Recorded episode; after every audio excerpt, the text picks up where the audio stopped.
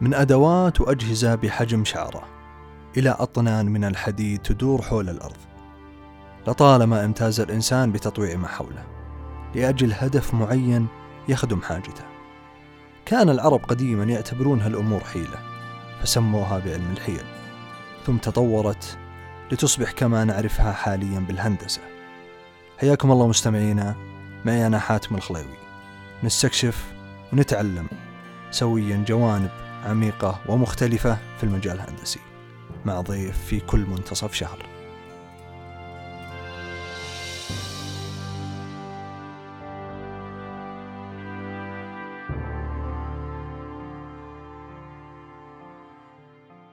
ضيفنا لهذا اليوم هو المعماري خالد هنيدي صاحب شركة AHB ومصمم فلة السهو. تناقشنا مع الضيف عن الفرق بين العمارة والهندسة.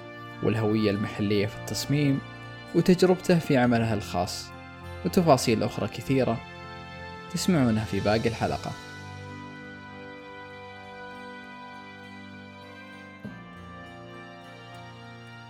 أنا والله ودي أبدأ معك في آه، مفهوم العمارة. كمحور أولي. ودي أتعرف على العمارة شخصيا أكثر أنا أحس إني ما فهمتها بشكل جيد جدا. فوش العمارة؟ طيب آه، نتكلم آه سؤالكم مفهوم العمارة. آه مفهوم العمارة طبعا هو يعني آه ليه تعريف كثير ما في شيء خلينا نقول محدد واضح بس هو الأساس آه منه نتكلم عن إنشاء بيئة آه مناسبة يقدر الإنسان يعيش فيها. بغض النظر هو مكتب ولا هو سكن ولا هو مبنى تجاري بس إنشاء خلينا نقول فراغ. الفراغ هذا تقدر يقدر الإنسان يمارس حياته الطبيعية داخل هذا الفراغ. حلو؟ ك ك لو نتكلم كوظيفيا مع العمارة. بس العمارة لها تدخلات كثيرة يعني آه نحن اليوم يمكن كثير من الاشخاص ما ما ما تجي على بالهم أو ما يلحظوها لها لها علاقة كبيرة بالعاطفة وال خلينا نقول بال بالإحساس بال بالنفس التفاعل الإنسان مع مع الطبيعة وتفاعل الطبيعة مع الإنسان. وبرضه تفاعل نفس البشر بين بعض فهي اللي تخلق اللي هي خلينا نقول العماره الواقعية أو العماره اللي هي تخدم الإنسان أكثر بدل ما الإنسان هو اللي يخدمها. فالجانب هذا هو خلينا نقول إنك تسوي فراغ يشتغل صح. أعتقد إنه اليوم صار سهل لأنه كثير في ريفرنس في كثير مراجع تخليك تقدر تسوي فراغ يعني وظيفيا يشتغل مريح بس إنك تخلق مكان فيه إحساس في يحقق كل الجوانب هذه اللي هي يحقق الجوانب الاجتماعية يحقق الجوانب الطبيعية آه، يحس الإنسان إنه فعليا مرتاح في هذا الفراغ هي اللي صارت فيها المنافسة الأكبر وهي اللي الحين صاروا المعماريين يحاولوا خلينا نقول يتنافسوا إنهم هم يوصلوا للفراغات هذه اللي هي فيها أكثر آه، خلينا نقول عقلانية وأكثر مشاركة مع الأشخاص الثاني الآخرين وبرضه أكثر مشاركة مع الطبيعة. يعني ملائمة للعيش أكثر يعني. نعم صحيح ملائمة للعيش لأنه انت اليوم فعليا أنت قاعد تخلق في العمارة تخلق لحظات أو تخلق آه، خلينا نقول آه، بعض اللي هي الأمور اللي الاحساس أكثر منه تخلق أنت فراغ جدار جدار مقفل وباب وشخص داخل الفراغ هذا كنت تخلق اللي هو السيناريو أو الفكرة أو الإحساس اللي حيوصل في النهاية للشخص في هذا في هذا المكان. فتعريفها عشان أكون صادق معك يعني ما هو يعني ما هو بالسهل ممكن واحد يعطي تعريف آه، يقدر يعطي تعريف يعني خلينا نقول وظيفي بالسهل إنه في النهاية إنشاء خلينا نقول فراغ آه، يعزل الإنسان من من أي عوامل خارجية آه، ويحقق له متطلباته الأساسية. بس إنه الجانب الثاني اللي هو الفكري من الصعب نعطيها تعريف جدا واضح من وجهة نظري. آه، تقدر أي أحد يقدر يطبق هذا التعريف ويقدر يوصل لحل. زي ما تكلمت عن الفن إيش تعريف الفن؟ حلو. الفن هو الخروج عن غير المألوف وخلينا نقول تحويل أحاسيس وأفكار إلى خلينا نقول إلى رسومات ولا فراغات وزي كذا. والعمارة هي كانت في البداية من آه، يعني وما زالت هي جزء من الفنون أكثر من هي جزء من الجانب الهندسي. آه، وما يخفى الكثير إنه اليوم في شيء اسمه هندسة معمارية وفي عمارة. وهذا في فارق بينهم. وهذا اللي ممكن يعني يسهل للمتلقي فهم إيش الفرق. الهندسة المعمارية هي أكثر وظيفية. الهندسة المعمارية. نعم هي أكثر تهتم في الوظيفة وليها value جدا كبير من حيث انه إنه لو اليوم نتكلم إنه في مثلا معماري صمم مبنى المهندس المعماري حيخليه أكثر فن يعني functional أو وظيفي يشتغل فعليا. أحيانا بعض المباني تشوفها جميلة. وتذهل بجمالها. بس لما تيجي تستخدمها تلاقيها مكلفة من حيث الصيانة ومكلفه من حيث مثلا التشغيل فجمال تفتقر للجانب الهندسي. نعم أنا من وجهة نظري آه. تفتقر للجانب الهندسي المعماري تحديدا آه، أوكي. اللي هو ينظر للشيء أكثر آه، آه، آه، خلينا نقول ينظر أكثر وظيفيا أكثر من ينظر فنيا. بعض المعماريين يسحبهم كثير هم خلينا نقول آه، الجمال أكثر من الوظيفة. حلو؟ وهذا الفارق بين تلاقي كل مهندس اليوم أو أو معماري في السوق تلاحظوه تلاقي كثير بعضهم يتكلم عن الوظيفة والفراغات وفي كثير تتكلم عن عن جمالية خلينا نقول المكان. وإذا جيت تسألني أنت خالد من أي جانب قاعد تتكلم أكثر أو إيش اللي جدك يسعدك أكثر وأكون صادق معك. أنا يجذبني أكثر اللي هو الجانب الجمال والعاطفة والأمور هذه فأبعد كثير عن اللي هو الجانب اللي هو الوظيفي. أحققه بس ان تلاقيني ما أركز عليه كثير. حلو؟ في, في مشاريع. لأنه هل هل معليش يعني بس الحين هذا ممكن يجرني على سالفة معك إنه أنت الحين يوم تخصصت كمعماري نعم. كمعماري وأنت ذكرت إنه إنه إن العمارة فيها هندسة معمارية وفيها معماريين. جميل نعم. لكن السؤال العام اللي دائما يطرح ولو جيت كلمت مثلا أي معماري جيت سالته قلت له هل أنت مهندس معماري ولا لا؟ بعضهم يقول لك لا أنا معماري. صحيح. هل هذا يعتمد مثلا على ما ذكرته أنت فيما يخص إنه في بعضهم يتبنى الجانب الفني وبعضهم يتبنى الجانب الوظيفي؟ سؤال جميل، لا هي فعليا الكلية درست فيها وتخصص درسته تنتمي لي، أنا درست مثلا في كلية العماره والتخطيط جامعة الملك سعود. جامعة الملك سعود. إيه. أتخرج اني كمعماري.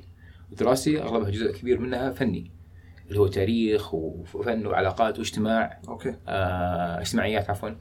فترتبط بالعمارة اللي هي كفكرة أساسية. حلو؟ في اختصاصات في جامعات ثانية مثلا زي جامعة الفيصل وجامعة السلطان تدرس هندسة معمارية حلو؟ الخلاف اللي صاير في هنا في السعودية في السعودية عشان أكون صادق معك أنا اليوم لما أسجل لو أسجل في منظومة المهندسين أسجل مهندس معماري وبطاقتي تلاقيها مكتوب فيها مهندس معماري لأنه ما في وظيفة أو ما في مسمى أو ما في خلينا نقول جمعية يعني مستقلة للمعماريين. فنحن نندرج مع جمعية المهندسين كمهندس معماري. فهذا الخلاف اللي شوية أحيانا في المسمى الوظيفي أو اليوم حتى حتى في الكلية أيام كنا ندرس كنا نقول طب الدكاترة يقول ترى انتبهوا ترى أنتم أنتم مهندسين أنتم معماريين. ولا أحد يقول يقول لكم أنتم مهندسين. فهذه كانت تغرز فينا في من البداية. بس إحنا قاعد نطلع على السوق أو نطلع إحنا يعني خلينا نقول لو تشوف أي يعني أي شخص آه، مسجل آه، مهنية خاصة في قطاع يعني حكومي حتلاقيه مسجل مهندس معماري. ف وبعض ال... بعض الأخ... الأخوان يعني خلينا نقول كمعماريين اللي تخرجوا يتكلم من كلية عماره التخطيط يروق له اسم المهندس عشان يكون صادق معك. آه واليوم كثير نحن اليوم في أي موقع أنا تلاقيني يا مهندس يا مهندس مهندس.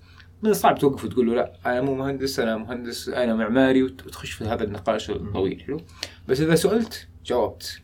لا العمارة لها لها مجال والهندسة لها مجال وكل مجال له حرفيته واحترامه ويعني وهم كلهم في نفس ال level. بس إنه كاليوم نتكلم نحن فعليا أنا خالد أنا إيش أنا معماري؟ يعني بحث دراستي تحكم علي اللي هو هذا الجانب لأنه لو تشوف الدراسات لو تشوف خلينا نقول الجدول الدراسي أو المواد اللي يدرسوها الاثنين مختلفة تماما. أكثر هناك يدرسوا رياضيات وهندسة وفيزياء وكيمياء اللي هي خاصة المواد اللي تتعلق بالخرسانة والخرسانه والمواد هذه. فتلاقي المهندس المعماري عنده خبرة أقوى فيها من المهندس عفوا من المعماري. يعني أفهم كلامك إنه خلال دراستك أنت تنمى عندك الحس الفني والإبداعي أكثر من المهندس المعماري. يس وهذا ويجبروك أصلا في الكلية إنه تنمي هذا الجانب، يعني أنت في أول اختبار في اختبار يسوي لك هو تجي تسجل في الكلية أغلب كلية العماره في العالم. حلو؟ حتلاحظ اختبار فني بحت. ما في ما في أي أرقام ما في رياضيات. هو فقط يعطيك بعض الصور أو بعض بعض القصاصات أو يطلب منك بعض الأشياء إنك تشكلها. ويقيمك على هذا الأساس. فتقييمك أنت في, في الأساس في بداية إنه قبولك أصلا في كلية العمارة. ونوعا ما كفلترة خلينا نكون واقعيين إنه مو شرط يكون أنت معدلك عالي عشان تدخل كلية العمارة. انه إنه تكون أنت عندك الجانب الفني. حلو؟ الجانب الفني أو تهوى الجانب الفني. واتذكر مثلا واحدة من الصور أيام اختبار القبول. كانت صورة مبنى ويسألك سؤال إيش الشيء اللي تحسه مو طبيعي في المبنى؟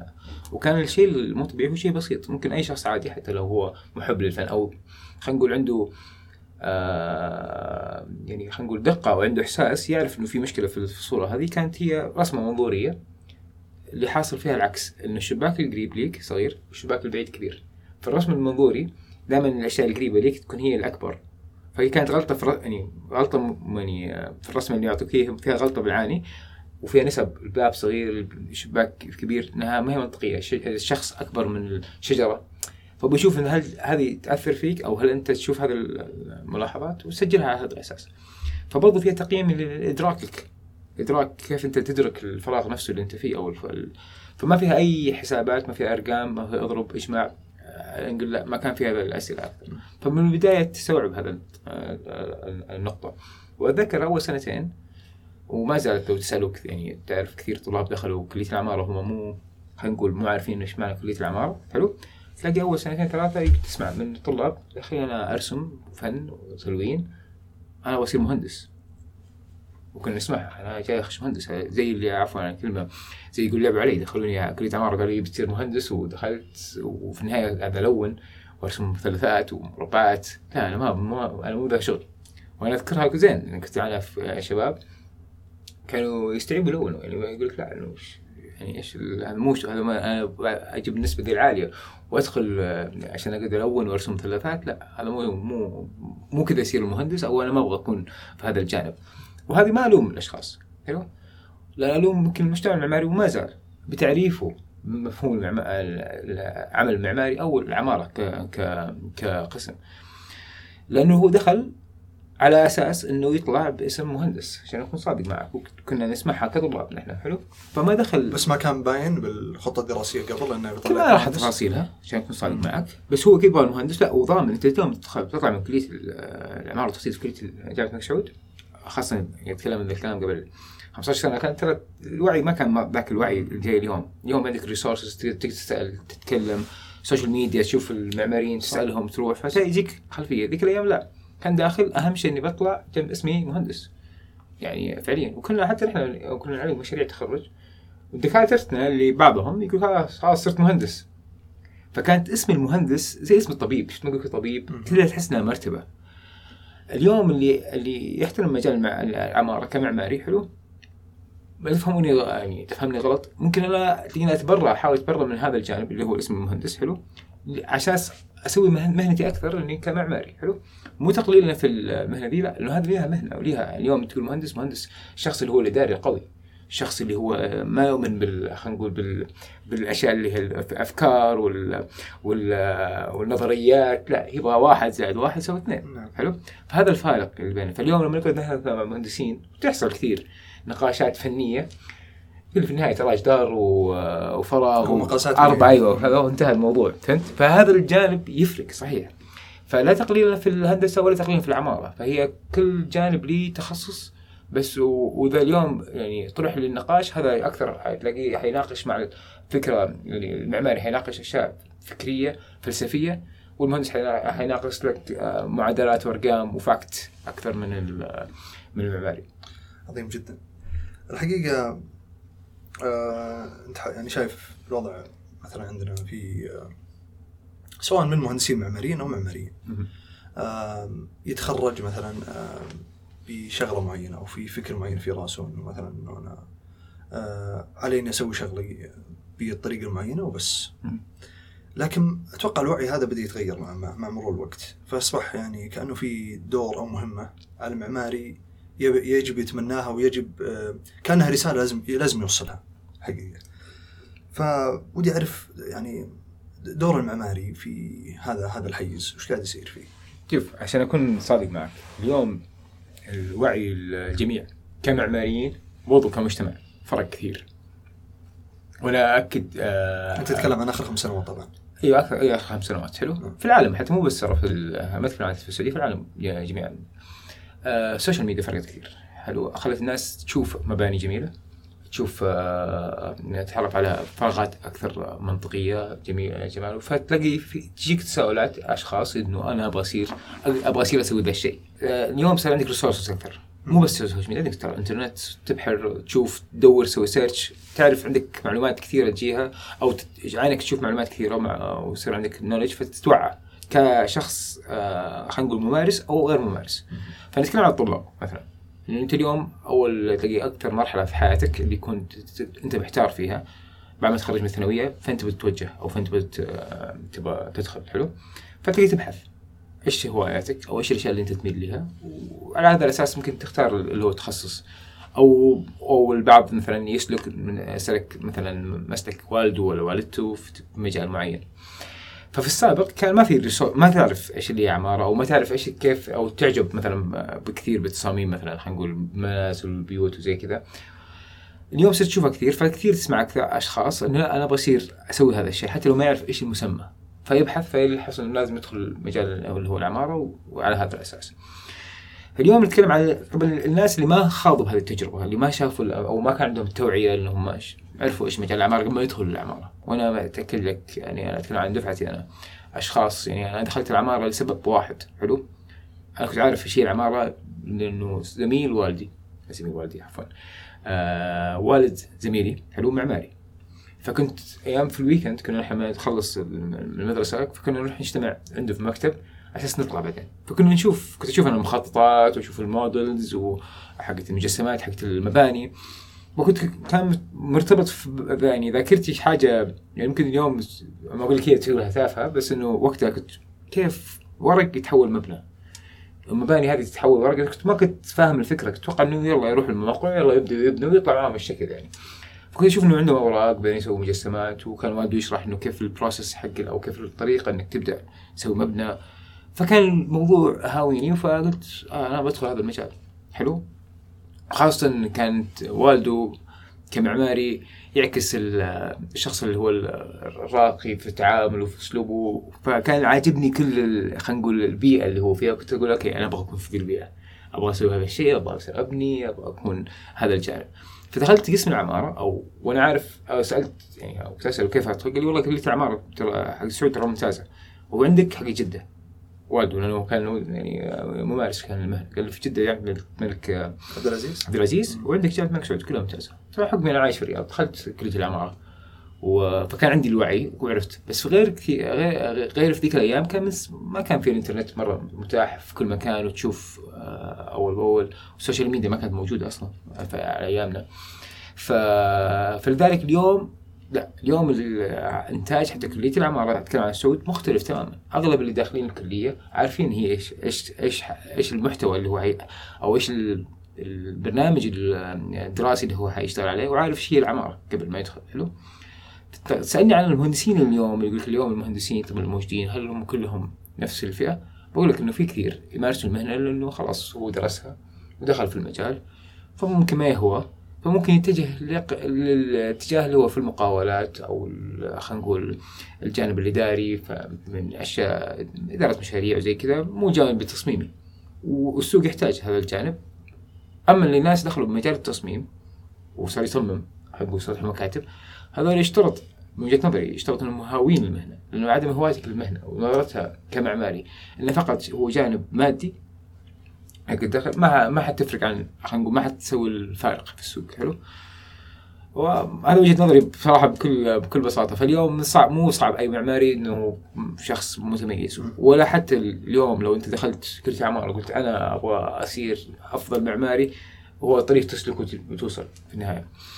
زي لو نعطي مقارنة عشان للتبسيط يعني زي زي مثلا في لاعبين الكورة حلو؟ زي عندك ميسي وكريستيانو رونالدو إيش الفرق اللي بينهم؟ لو إحنا بن- بنعطي هذاك عنده موهبة وربي أعطاه هي ميسي وصار لاعب فنان. كريستيانو الشخص اللي يبغى يصير أفضل لاعب فتدرب وتمرس وراح أفضل نوادي واشتغل اشتغل وبنى نفسه. فهذول طريقين مختلفين. في ناس سبحان الله ربي يعطيهم اللي هي الإلهام وعنده الفكرة وخلاص يصير الموضوع معاه سهل. في ناس طموحهم وجهدهم وج- يعني وهدفهم اللي يبغوا يحققوه يوصلوا لهذا في النهايه الهدف بس إنه حيتعب كثير لما يوصل للشيء اللي هو في باله. بس كدور آه، يعني على أي معماري؟ إنه مثلا. مثلا يجب إنه يعني ينقل العمارة إلى آه، منطقة معينة؟ آه نعم بس إنه آه أشوف انه قبل تخص- تخصصية. اليوم في أنواع معماريين أنا نظري في الأشخاص اللي مهتمين في قضايا مثلا الاسكان أو التطوير العقاري. هذول الصنف مختلفين عن الصنف اللي هم مهتمين مثلا في جانب خلينا نقول التصميم والمباني. يعني أنا ادرج نفسي أنا في الجانب الثاني. أنا ما ما أتنافس معه في التصميم وال... هي في التصميم وانك توجد عمارة فعليه مختلفة. يعني اليوم عشان أكون صادق معك. بس خليني أبسط عليك السؤال. يعني أنا ودي ودي تفهم السؤال. أنت أنت أنت الآن مثلا أنت ص- ص- يعني صنف نفسك إنك في منطقة التصميم. تمام. وش الدور اللي على خالد هنيدي إنه يعني يحاول أن يحدث في هذه المنطقة؟ جميل اي هل يحاول يعيد احياء التراث؟ هل يحاول آه، يعني ابي أبي أفهم دورك أنت يعني وش المسؤوليات اللي تعتقد إنها تقع على عاتقك في في خلال هالمنطقه هذه؟ طيب أنت والمن الناس اللي معك طبعا جميل بتكلم أنا أول شيء يعني إيه- يعني عاتق على كل معماري نعم. على عاتقه إنه هو يشرح المجال يفهم المجال للمجتمع حلو وبرضه للم... برضه للمعماريين اللي معاه اللي في جانبه إيش هو المجال إيش. إيش الهدف من آه، وجودك أنت في المنظومة اللي هي البناء خلينا نقول وإيش الفاليو اللي أنت المفروض أو القيمة المضافة اللي أنت تضيفها في المشاريع حلو هذا لازم يعني آه، علينا نحن كمعماريين إنه نحن نتكلم فيه زي اليوم إحنا قاعدين نتكلم معاكم هنا اليوم قاعدين نحن نسوي محتوى جانب معماري نوعي فيه الناس فهذا واحدة من الأشياء الأساسية اللي إحنا لازم نشتغل عليها حلو وبالعكس نحن نستثمر أوقاتنا. في هذا في هذا الجانب حلو هذا رد على الجانب إيش اللي علينا المفروض نسويه. حلو؟ هل اليوم خالد آه هنا لازم إنه هو يعني خلينا نقول أغلب الأعمار اللي يشتغل عليها إنها مرتبطة بالتراث. التراث هو يعطيها قيمة مضافة من وجهة نظري. حلو؟ اليوم أنت خاصة لما تدخل منطقة جديدة وأنا اتكلم تحديدا في الجنوب. حلو؟ اليوم لو أنت تجي تصمم في منطقة هناك وداخل على ثقافة جديدة وأنت ما أنت من نفس المنطقة فلازم تحترم المكان اللي أنت فيه. وتعرف المكان هذا لي خلينا نقول خاصة إن أنا اندرج تحت المصممين اللي هم يعتبروا الحداثيين اللي يحبوا التصميم الح- الحداثي. فأنت تخيل تجي بحاجة حداثية في منطقة فيها تراث معماري جدا عالي تبغى تنافس فيه. فح يعني حت حتشال من المفترض. حلو؟ لأنك أنت ما احترمت ال- المكان اللي هو هناك أو ما ما احترمت التراث المعماري اللي هو في المنطقة. فاندراجك تحته أو انطلاقك من من التراث المعماري الموجود في المنطقة هيعطيك قوة. لوجودك في المكان. وهذه كانت يمكن من خلينا نقول أول الأهداف اللي كنت شغال عليها إنه لو, اليوم أنا بنفذ هناك أو بصمم حاجة هناك لازم أطلع من أساس من الأساس أو من التاريخ اللي هو هناك وأنطلق منه. بهذه بهذه الطريقة اليوم ال- الأشخاص اللي هم محبين للفن والتراث وبرضه كمعماريين في المنطقة قدامى حيحترموا مبناك. حتى لو هو مبنى يعكس جانب منه الحداثة بس حيعرف إنه ليه أصل طالع من أصل ما هو طالع من فراغ. يعني جاء فقط إنه هذا المبنى لو شلته وحطيته خلينا نقول في الرياض حيشتغل لا ما حيشتغل. إنه هذا في جانب كثير من عمارة عسير. فهذا كانت ال- الفكرة يمكن الأساسية للدور إنه هل المبنى اليوم أنت لو تشيله من الرياض تحطه في جدة يشتغل؟ لا شلته من مثلا خلينا نقول من عسير وحطيته في منطقة ثانية شغال معك. إذا يشتغل فأدري إنه هذا العمارة ما هي ما لها علاقة في المكان اللي هي فيها. تحديدا حلو. يعني وتشوفها كثير. الحين تروح مثلا أكون صادق معك تروح تشوف بعض البيوت في الرياض. نفسها في الشرقيه في يعني. الشرقيه آه، أو في جدة مثلا. جدا وتلاقي مطورين عقاريين يسوي لك مشروع في الرياض copy and paste في كل المناطق okay okay. هذا إيش يدل؟ مو ما يدل إنه إنه آه المبنى بقى يشتغل. لا يشتغل المبنى وظيفيا نرجع لكلمة ال- الفكرة اللي وظيفيا شغال. نفس المبنى اللي في الرياض لو شلته وحطيته في ال- في الشرقية حيشتغل. لكنه في آه، مثل ما مثل ما ذكرت أنت إذا مثلا جيت على منطقة okay الرياض عاصمة وفيها مختلف ثقافات، أنا أتكلم مثلا مثل المثال اللي ذكرته. أنت ك... آه، يعني كيف اصيغ لك؟ يعني أنت يوم رحت هناك أنت حاضر في عقلية معينة. آه، يعني ال mindset حقك إني أنا بروح هناك وبالك التصميم ال- اللي هو الحديث لكنك رحت منطقة تراثية قلت أنا ما أقدر أسوي الشغلات هذه. صحيح فدورك هنا تغير هل على المعماريين يكون لهم دور متغير خلال بناء على المشاريع ولا إنه لا والله في أشياء في قيم لازم يمشي عليها المعماريين في في حاجتين رئيسية. خلينا نكون لو تقول لي أنت اليوم هل أنا بعطيك النقيض اللي سويته أنا في المشروع الثاني شاهين سويت النقيض. أحيانا آه، عندك عميل انت لا تنسى أنت اليوم أنت مو ملكك المشروع. أنت قاعد تصمم لشخص ثاني حيعيش في مبنى. فلازم على المعماري يعني يستوعب هذه النقطة كثير. وأكون صادق معك أي معماري وأنا واحد منهم ص- بكل شفافيه وتصمم البيت تصمم البيت كأنك أنت حتعيش فيه. كمعماري. هذا أول اعتبار أنت لازم تحطه في ذهنك. لا لا لا هذا غلط. بس نحن نتكلم داخليا كمعماريين ونحن نصمم. أكون صادق معك. أنت قاعد تصمم بيت بس فراغ تحس إنك يعني قاعد تصمم كيف أنت تعيش. أوكي. نوعا ما. تسمع عندك أنت يجيك إنبوت طبعا من العميل أو يجيك معلومات من العميل وتحاول أنت تداريها بس في النهاية دائما قاعد أنت تشاور نفسك. وخلينا نكون واقعيين وهذا الشيء ما في معماري في الحياة. حيقدر يقول لا أنا والله لا أنا أفصل. لا أنت تصمم قاعد تشوف إنه والله كذا العلاقات كذا. تسمع أكيد المعلومات اللي تجيك من من من العملاء وتركبها بس في النهاية تحس كأنك المبنى قاعد تصممه عشان انت تعيش فيه. وهذا أكبر غلطة. وهذا أكبر غلط. أيوه هذا أكبر غلط. لأنه أنت اليوم عارف مو أنت حتعيش فيه أنت حتصمم لفترة معينة وتنقطع حيجيك أشخاص ممكن يعيش في 20 30 سنة. فهذا الفراغ اللي أنت صممته أنت واللي أنت قررت إنه هذه العلاقات اللي فيه وتقعد الحياة فيه مستمرة يعني للطرف للعميل فاحترامك للعميل ومتطلباته حاجة مرة مهمة هي اللي حتخلي مجرى اليوم المشروع يتغير في البداية. فأرجع لنقطة معلش عشان ما شتت شوية اللي هو هل أنا كل مرة حروح أنا مثلا في عسير أو أي منطقة ثانية في السعودية لازم أدخل الجانب الثقافي في المكان؟ أتمنى ذلك بس ممكن أحيانا العميل ما يكون عنده تصور آه، معين. متطلباته تكون لا يقول لك ما ما أبي شيء تراثي أبغى شيء حديث. بالضبط وتقدر أنت تقدر تحاول أنت تضيف هذا الجانب تحارب معه. نقول تكون إيه. يعني ما تأخذها مسلمات وتقول بسم الله يلا ببدا لا. أنا من وجهة نظري لازم تثقفه تقول له انت أنت اليوم عندك عماره وتشوفه أنت عندك إرث معماري جميل نحن نقدر نطوره نقدر نحدده. هذا الجانب اللي أنت حتتناقش تتناقش فيه وحتروح وتعطي يعني طول النقاش. إلا في حال اللي هو خلينا نقول يكون صادق معك اذا هو ما عنده وجهة نظر معينة فكخالد تتكلم يعني فحتلاقيه من البداية ما هو وقع معي مثلا أو ما اشتغلنا مع بعض. ليش؟ لأنه في بداية أول لقاء نحن نتناقش في هذه المواضيع الأساسية إنه اليوم ترى HP أو الكيان اللي إحنا شغالين فيه كمصمم آه لي آه لي guides أساسية. يعني نحن ترى اليوم زي ما أنت تروح آه خليني أعطيها مثال مثلا تروح تشتري سيارة مثلا آه، أي حاجة تفصل تفصيل حلو؟ هو مخيط معين قماش معين. أو واحد متعود عليه يشتغل لك هذا الشغلانة. حلو؟ فانت قررت إنك تروح محل جديد وتقول له لا أنا أبغاك تسوي زي المحل القديم وفي بعض المحلات بيسوي لك يقول لك أبشر بسوي لك زي المحل الثاني وأخذ أعطيني بس كيف شكله أو أعطيني صور ويحك لك الثوب زي ما كان يحك المحل الثاني. اليوم نحن في HP لا إحنا من البداية نقول نحن ترى لا نعرف ما نعرف نسوي مو مو مو الثاني. بس لا نحن خبيرين في هذا الجانب. وعندكم مدرستكم الخاصة؟ ما هي ما هي خلينا نكون واقعيين ما هي مدرستنا الخاصة؟ أن أسلوبنا الخاص لأن المدرسة معلش أسلوب. كبيرة شوية علينا بصراحة وإن شاء الله. لا إن شاء الله ما أقدر بإذن الله إن شاء الله.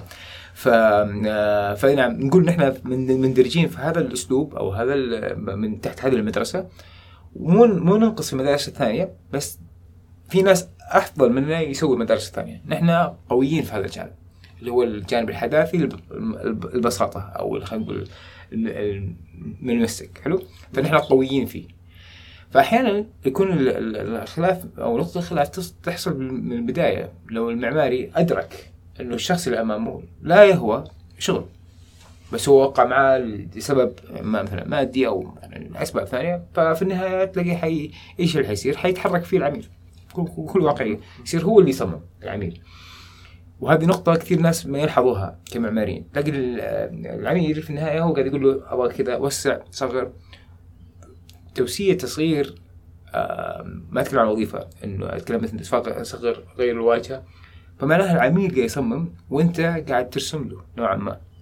هذا الاختلاف. وفين يحصل إنه هم أصلا ما توافقوا في البداية. فدائما نحاول نقاشات مع ما أتكلم عن جانب العملاء. نقاش طول إحنا اليوم مثلا عشان نكون صادق معك؟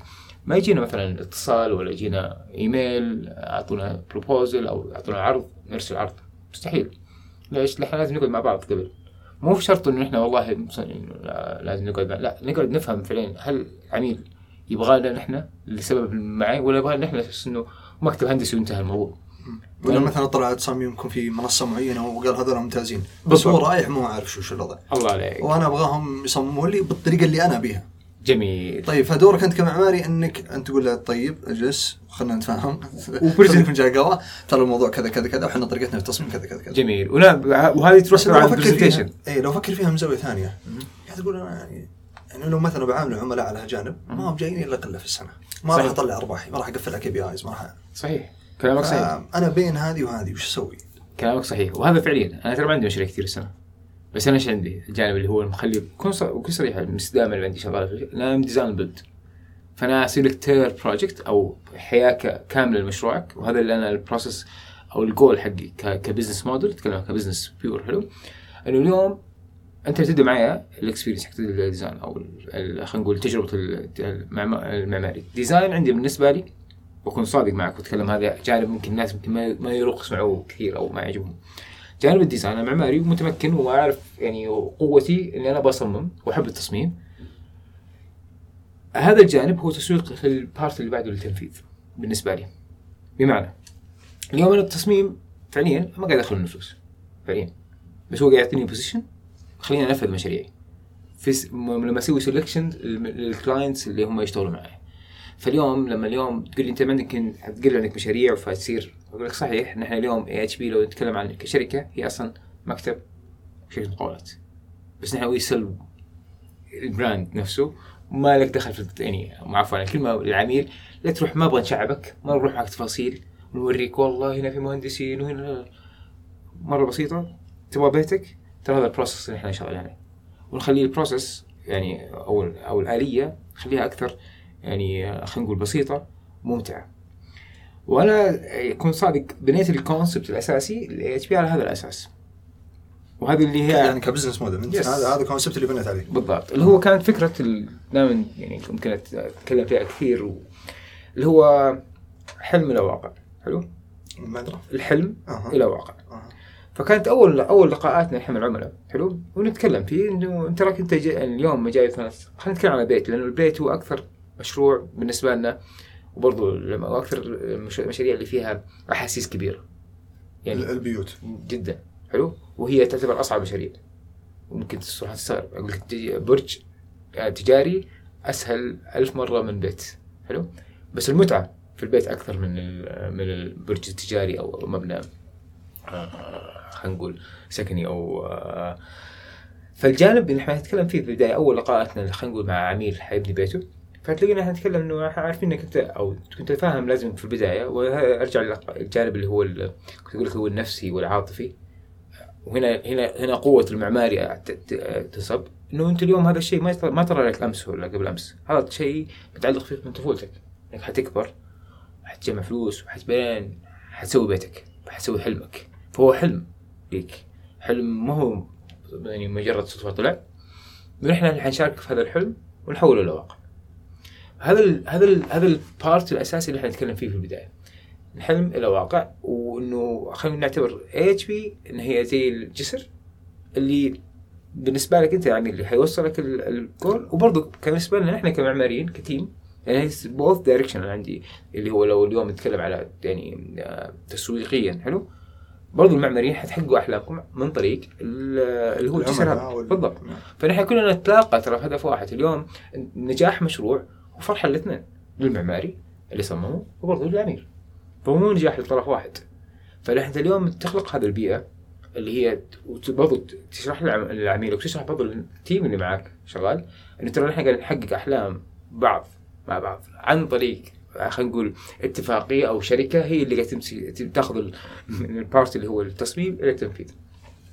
فهذا الجانب اللي أنا أقول لك لو أتكلم فيه أكثر إنه هو ال- ال- الكونسبت الأساسي للشيء اللي قاعد أسويه. حلو؟ وهذا اللي خلى عندك عدد معين من عملاء بالضبط وهذا اللي خلى عندك مثلا يعني إذا أنا كلمه خلى عندك سمعة معينة إنه ترى هو يسوي مشاريع بهالطريقة هذه صحيح فهذا يعني خلاك نوع نوع ما مميز إنه فلان أوه بالسوق ترى خالد هنيدي هو اللي ماشي على الخط هذا ممتاز طيب صحيح. أنا الحين آه انت شايف آه، يعني من خلال رؤية قاعدة آه يعني إحنا نمشي عليها 2030 آه وأتوقع العمارة لها نصيب من هالرؤية.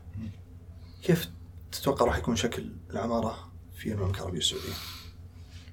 طبعا شكل العمارة في المملكة السعودية- السعوديه يعني المستقبل. اي المستقبل هو في تطور في تطور جدا خلينا نتكلم في العشر سنوات اللي راحت في تطور يعني مذهول. وهي بوجهه نظري يعني قاعد نحن نرجع للماضي. الماضي كان جميل عندنا.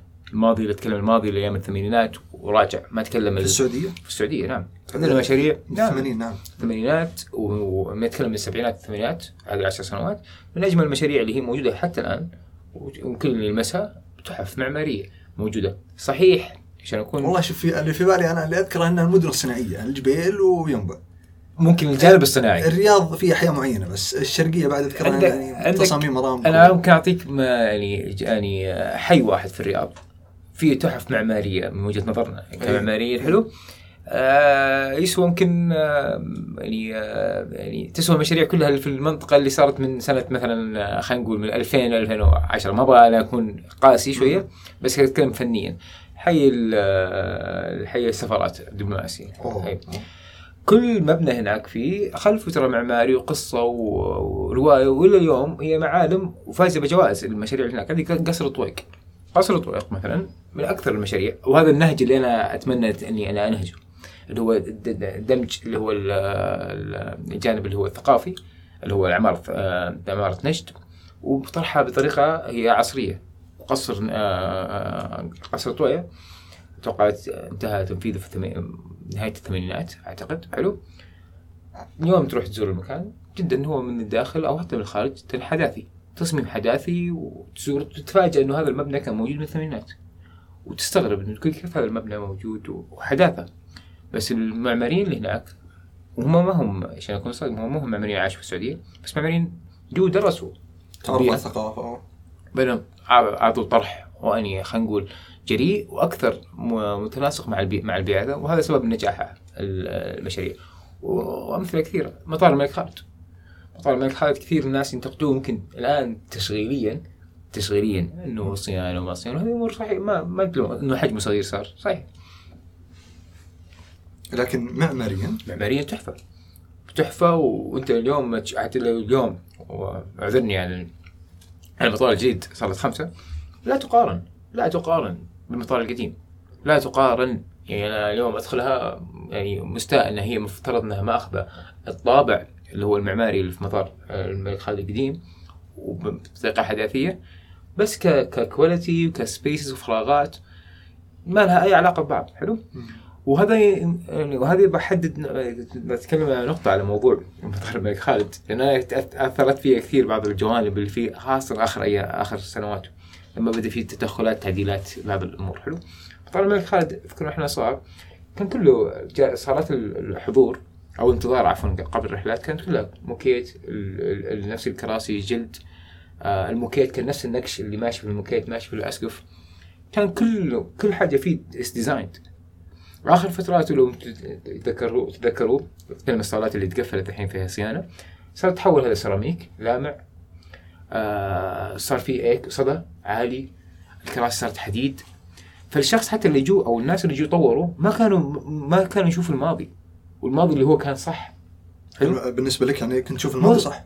مو مو شوف، مو بالنسبة لي أنا اجزم لك لو اليوم تجي اليوم تجي المعماريين أو أي شخص يعني خلينا نقول مدرك أو فاهم في المجال هذا وتوريه المطار القديم الملك خالد حلو؟ وتوريه المطار الجديد. عفوا المطار مو جديد المطار اللي صار هو لا لا أتكلم عن ال- مطار الملك خالد لما صار له تجديدات okay. في جت فترة صار له تجديدات. حلو؟ حطوا سيراميك مواد يعني ما أدري كانت تذكرها يمكن إحنا نذكرها لأنه كنا ننقهر. انه سيراميك يلمع قبل كان موكيت و و آه، يعني وليه هيبته مطار آه، الرياض مطار آه، يعني عاصمة المملكة. فالتقارن بين الاثنين بيقول لك لا إنه هذا ما يتقارن والمطار الجديد اليوم ما يقارن ابدا بالمطار القديم. حلو؟ واليوم حتى لو تتناقش مع نفس الأشخاص اللي هناك حيقول لك نعم هو ما يقارن بس ترى المطار الصالة الخامسة الجديدة كانت لابد تصير وكان فعليا ونحن الحمد لله إنها صارت لأنه كان في نقص كثير للصالات. آه، يعني صالات آه، أو صالات حقت مسافرين بسبب ما شاء الله الرياض تساحة سريع. فجاء هذا الحل المؤقت. حلو. من وجهة نظري لو تقارن بالحل القديم إنه يقفل الاحتياج يقفل ال function أكثر من يقفل الجمال بس مستحيل انكم تصفهم جنب بعض من أبسط الأشياء لو تشوف صور حتى قديمة منتشرة لي صور قديمة ترى أيام التنفيذ. ومن تدخل جوجل شوف من فوق هو عبارة عن اللي هي الخيام. كنا تجمع خيام وكثبان رملية. وصاروا في الصحراء وفتحات صغيرة إن النار تخش بقدر ما للفراغات. حلو. الجديد اليوم مختلف تماما. الجديد اليوم حتى واجهاته واصله للنهاية. آه، جميل بس تحس يعني الجديد عشان أكون صادق وما تقليلا نفذ من المهندسين أكثر من نفذ من المعماريين ممكن الجديد يفتقر لمسه الفنية نعم. الجديد أنا اجزم لك الجديد يمكن تكلفته صيانته أقل بكثير وما يكلف وبسيط. بس لأنه مطار وحركة ناس رايحة وجاية و... بس مطار مدخل بسرعة فمساحات وتعرف داخله فيها فاكتورز كثيرة يعني. صحيح بس إنه مطار أنت لا تنسى هذا أول شيء تشوفه لما انت اليوم زاير للسعودية. فأنت أول وجهة تشوفها أو أول انطباع تشوفه اللي هو مطار. توصل مطار صحيح. صحيح. فالمطار يعني في كل الدول تتنافس إنها تسوي مطارات تحف. وتشوف تنافسية جدا عالية نعم. بين كل مدينة ومدينة. وتلاقيها إنها تدخل أكيد مطارات.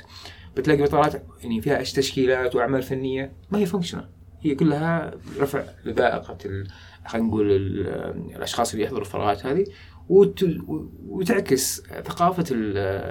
يعني خلينا نقول ثقافة أهل البلد يعني فهمت؟ زي حل دبلوماسي حل- حقيقي دبلوماسي يعكس ثقافة آه، اللي آه، تبغى توصلها أو الرسالة اللي توصلها من خلال إنه خلينا نقول السعودية فيها إرث ثقافي فيها إرث معماري فيها تنوع في ال في ال- ال- الغطاء اللي هو ال- النباتي لأنه حقيقي دبلوماسي يعتبر برضه حتى مثال جدا رائع في النب- أنواع النباتات الصحراوية.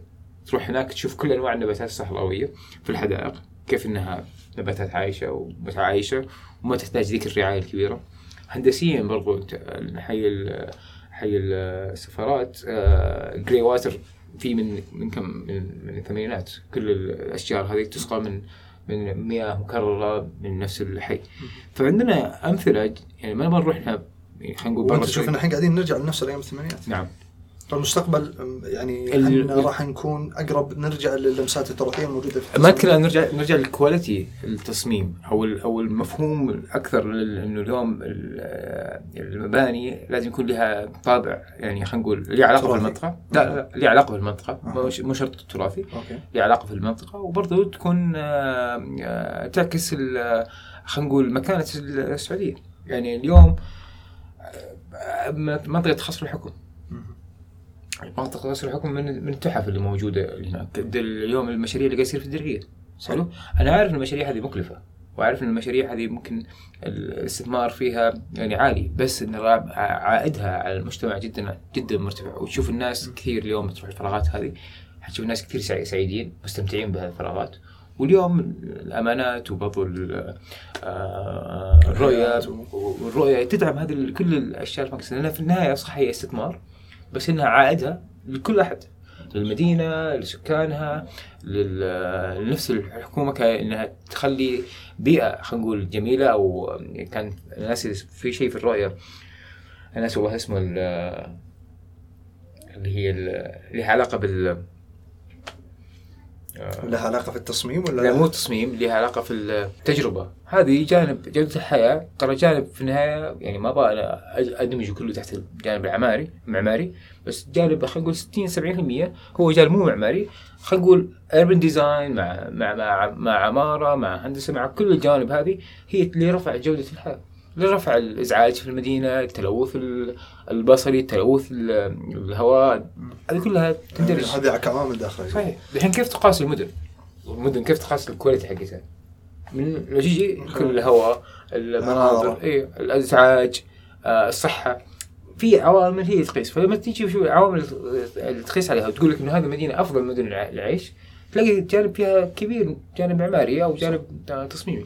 ممتاز. آه ودنا نكمل على سؤال آه آه فكرة آه يعني الهوية المحلية اللي ذكرتها في مثلا آه عملك الخاص اللي هو اتش بي آه نموذج فيلا السهو بس حق ذكر ما شاء الله.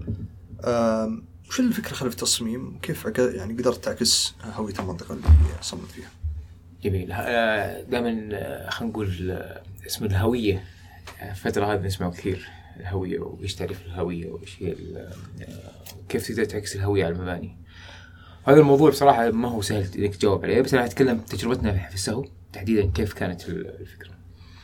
فالفكرة بالأساس طبعا هو المنزل من- منزل والدي. والدي ما شاء الله تبارك الله فيلا السهو منزل والدك. إي منزل والدي. ممتاز. زال فوالدي اشترى الأرض هذه يمكن من قبل حوالي 15 سنة. ف وكان يفكر إنه بعد ما يتقاعد إن شاء الله إنه يبنيها مصيف للعائلة. وتمر الأيام وتقاعد الوالد وجاء يوم اللي هو افترض إنه يبدأ إن شاء الله يبدأ يبني الحلم اللي كان يفكر فيه من زمان. وكلمني في الموضوع قال لي أنا خلاص نبني الأرض اللي في السود وقد شفتها أنا قبل. حلو؟ فأبغاك تصمم لنا وهي وت- وتنفذها. قلت له أبشر. وكون صادق معك يعني. دائما أحيانا المشاريع العائلية والأشياء المقربين يصير بعض التعثرات فيها أو عدم نوعا ما وبس فهمني غلط بعض الإهمال من من قبل الشخص لأنه ينظرها إنه شيء لأهله حيسامحوه حيعذروه. فتلاقيه يمكن يماطل فيها شوية أو يتأخر فيها كثير. وفعليا هذا اللي صار مع الوالد للأسف يعني في البداية حلو. آه فجاء جاني يوم من الأيام دخل علي الوالد واعطاني مخطط. قال لي خلاص أنا لقيت لي واحد بيسوي بيسويه وخطط لي وبينفذها وخلاص وإن شاء الله الأمور تمام. شفت المخطط قلت لا. كيف؟ المخطط ما يعني حرام الأرض جميلة ومخططها ضعيف. نقدر إحنا نسوي أفضل من كذا. قال طيب يلا وينك؟ ليش ما سويت؟ ليش ما اشتغلت؟ قلت له أبشر. قال ما في أبشر. أحد الجاي نروح أو نسافر. يعني كان وقتها يمكن بعد ثلاث أيام أربع أيام نروح نزور المكان. قلت له أبشر. فعلا رحنا هناك زرنا المكان وقابلنا وقتها الشخص اللي كان هو هو مقاول.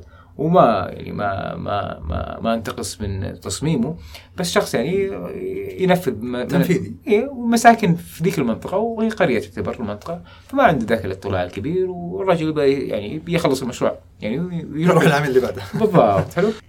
فلما شاف قلنا نتناقش في المخطط وأتكلم حتى المقاول يناظر فيه إيش قاعد يقول إيش بيسوي يعني مره متحمس بزيادة. فقال لي خلاص أنت أرسم المخطط وأنا بنفذه كان يقول للمقاول انه خلاص إذا أنت اعتدت على المخطط خلاص أنت ارسمه ما عندي مشكلة. بتنازل لك ترسم المخطط. بس أنا نصحتك لا تسوي هذا يعني كان يتكلم عن الأفكار قال سوي أشياء شاليهات صغيرة وعشان تأجرها في ال... كان كان مقاول ينظر نظرة كانت استثمارية للوالد حلو.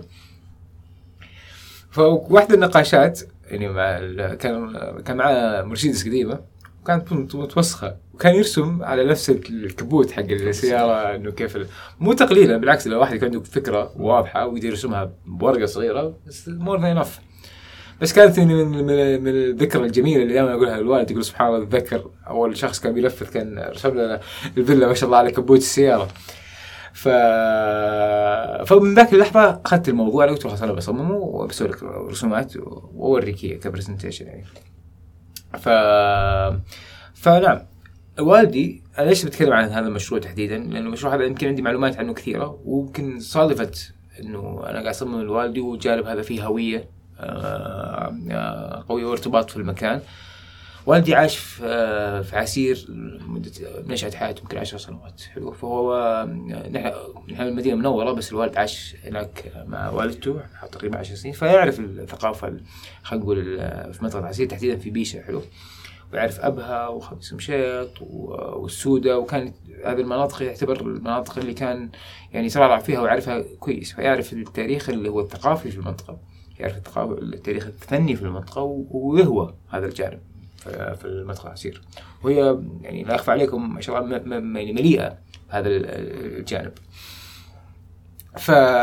فاليوم آه، فلما فلما بديت اصمم جات اللي هو في بالي إنه كيف أنت تدمج الإرث اللي هو الثقافي اللي موجود واللي يعتبر في هذه في هذه اللحظة لوالدي يعتبر جزء من هويته جزء من هوية الوالد إنه هو عاش في المنطقة هذه جزء من هوية المكان. فأنت قاعد تخلق هوية مندمجة مع بعض حلو؟ و... فلما أتكلم عن إيش يقول لك الجانب الهوية بعض الأحيان يكون مفهومه ما هو مرة يعني خلينا نقول يعني الجواب عليه مو مرة واضح لأنك أنت تدمج هويات أشخاص شخص في مكان بطبوغرافية ففي أشياء كثيرة تندرج كلها تحت هوية واحدة. حلو؟ فاليوم فكانت من الس... وأنا اليوم أنا أصمم حداثي بحت. وأنا أنا أؤمن أؤمن إنه لو أنا اليوم تجي عند شخص بعمر والدي والدي ما شاء الله 80 سنة تعطي له حاجة جدا حداثية ما حيقبلها. ليش؟ لأنه ما حيعتبر ما حيرتبطها بهويته. ما لها أي ارتباط فيه. ولا يحس إنها هي من يحس إنها شيء حداثي عليه. فحيرفض وهذا الشيء شيء طبيعي في الإنسان. أي الإنسان لما يشوف حاجة شيء جديد أو شيء ما يفهمه أو ما قد مر عليه أول رياكشن أو أول آه، أول يستنكره يعني. يستنكره على طول حلو؟ مو كرها لي لعدم معرفته فيه حلو؟ ف... فكانت الفكرة اللي هو دمج اللي هو هوية الهويه التراثية أو خلينا نقول الإرث التراثي المعماري في المكان وكانت خلينا نقول النقطة اللي أنا بنيت عليها كثير اللي أقرب منطقة تراثية للمكان في السودة اللي هي رجال الماء أنا أقرب منطقة فيها عمارة حية اليوم تراثية من السودة رجال الماء فكان ارتباطي في المكان جدا قوي حلو؟ فكانت من كنت أزور المكان هناك. وأشوف إيش المعالم أو إيش الملامح الرئيسية اللي هناك وكيف أقدر أنا آخذ بعض الملامح هذه وأعكسها بمفهوم مختلف حلو؟ وكان يعني يوضح يعني بامتياز اللي هو التكنيك اللي يسموه الرص اللي هو حق الحجر. وتشوف أنت أول ما توصل منطقة رجال ألمع إنه كل المباني بمادة واحدة بالحجر والمادة هذه هي اللي تعتبر في عصرنا هي ال finish وهي ال structure هي مو فقط إنها تقوي المبنى هي برضو تعطي شكل المبنى.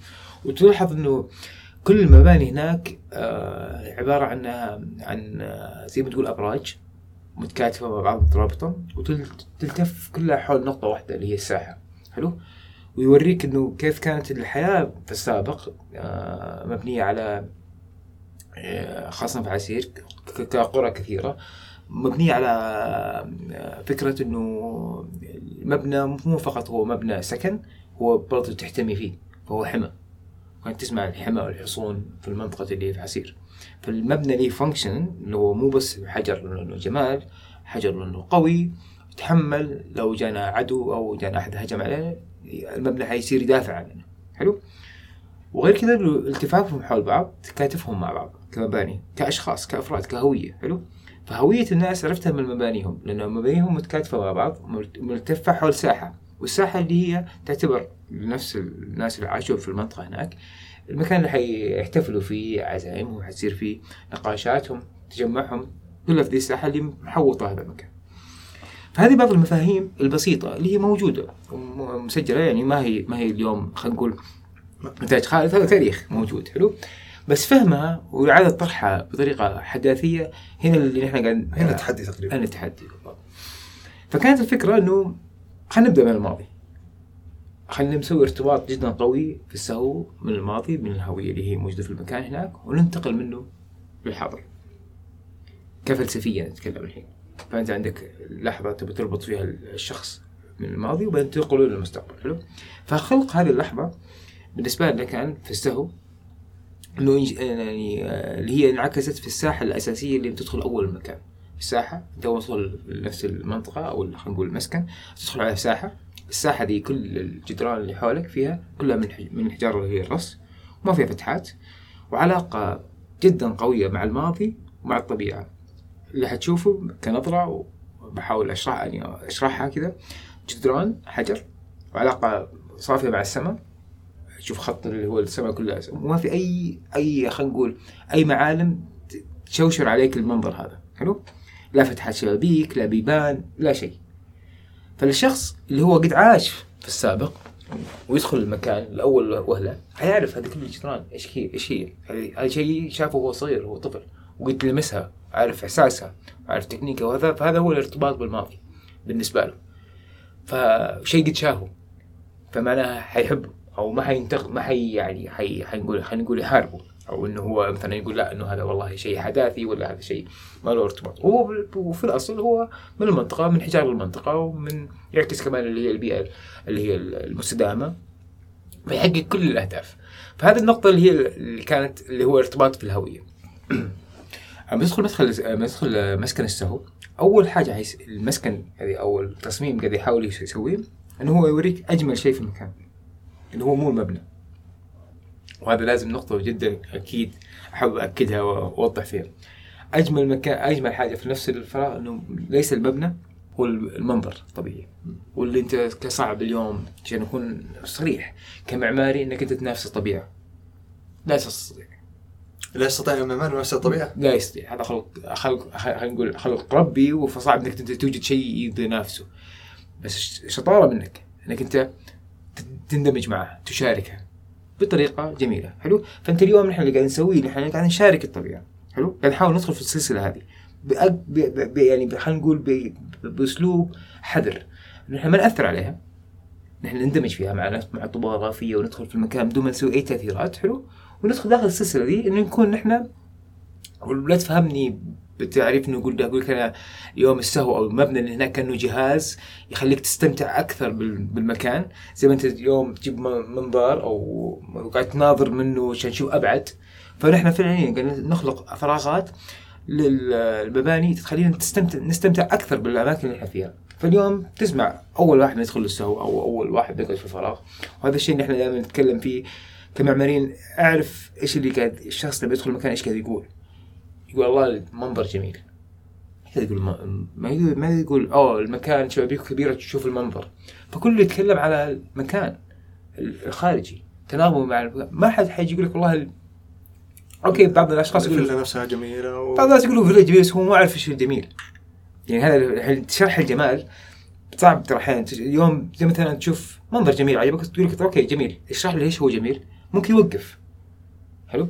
ومثال مثلا شفت مثلا آه أي شيء عجبك جميل؟ لو كوب آه شخص آه وتقول له اشرح إيش هو الجمال من الصعب تشرحه.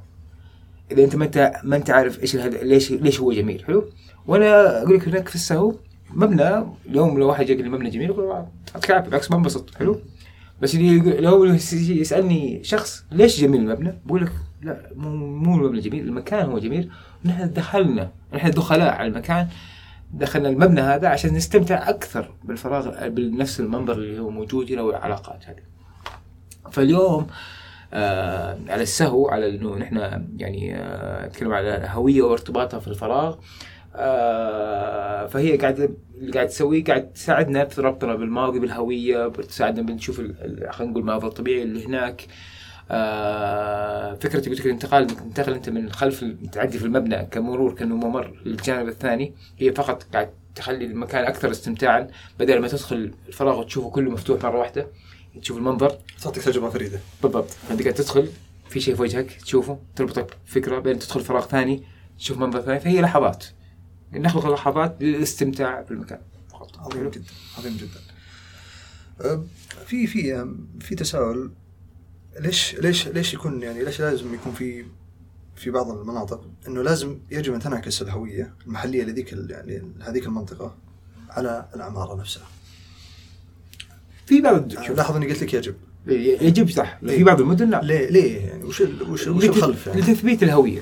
بعض المدن عندك زي عندك لندن باريس آه، بعض الشوارع أو بعض الطرق الرئيسية. أنت حتى حتى اللوح الإعلانية الحديثة دي ممنوع تنحط بعض في بعض الأماكن.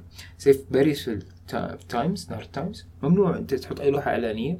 ويبغوا ال- نفس خلينا نقول المنظر العمراني في ال- في ال- في ال- في المدينة ما يتغير. نفسه كأنه قبل حوالي خلينا نقول 60 70 سنة أو أكثر يمكن. حلو؟ هذا هذا جانب مختلف. آه، جانب بيعكس إنه المدينة قديمة المدينة لها إرث كبير والإرث هذا ما يتغير. وهذا هذا بيجرني معك لسؤال ثاني إنه في قرارات آه، صدرت مؤخرا فيما يخص بعض المناطق إن التصميم فيها يجب أن يكون آه، مثل الدرعية. ممتاز آه. إيه. أنت قلت الدرعية الدرعية يعني خلينا نقول حاجة جدا رئيسية وهذا لابد إنها يصير الدرعية ليش؟ الدرعية آه تحتوي أكبر آه خلينا نقول جانب خلينا نقول أكثر تراث مع عمراني في المنطقة في نجد كله متكون متجمع في الدرعية من حيث اللي هي القصر الضوي... آه لا عفوا اللي هو الطريف منطقة طريف. بجيري. آه كثير من القصور اللي هناك في المنطقة آه الناس الإنسان اللي سكن في المنطقة هذيك يعني عدت كثير قبائل وناس سكنوا فيها. فليها ليها إرث كبير ليها ماضي ليها تاريخ حلو؟ ف وهي اليوم آه تحولها إلى خلينا نقول منطقة ما بقول أثرية منطقة تراثية منطقة سياحية. نعم. يجب إنها تكون توحد بطابع معين أو نمط معين لاستكمال الصورة أو خلينا نقول لت- لتحسين تجربة تجربة خلينا نقول الزائر هذا. هذا المكان.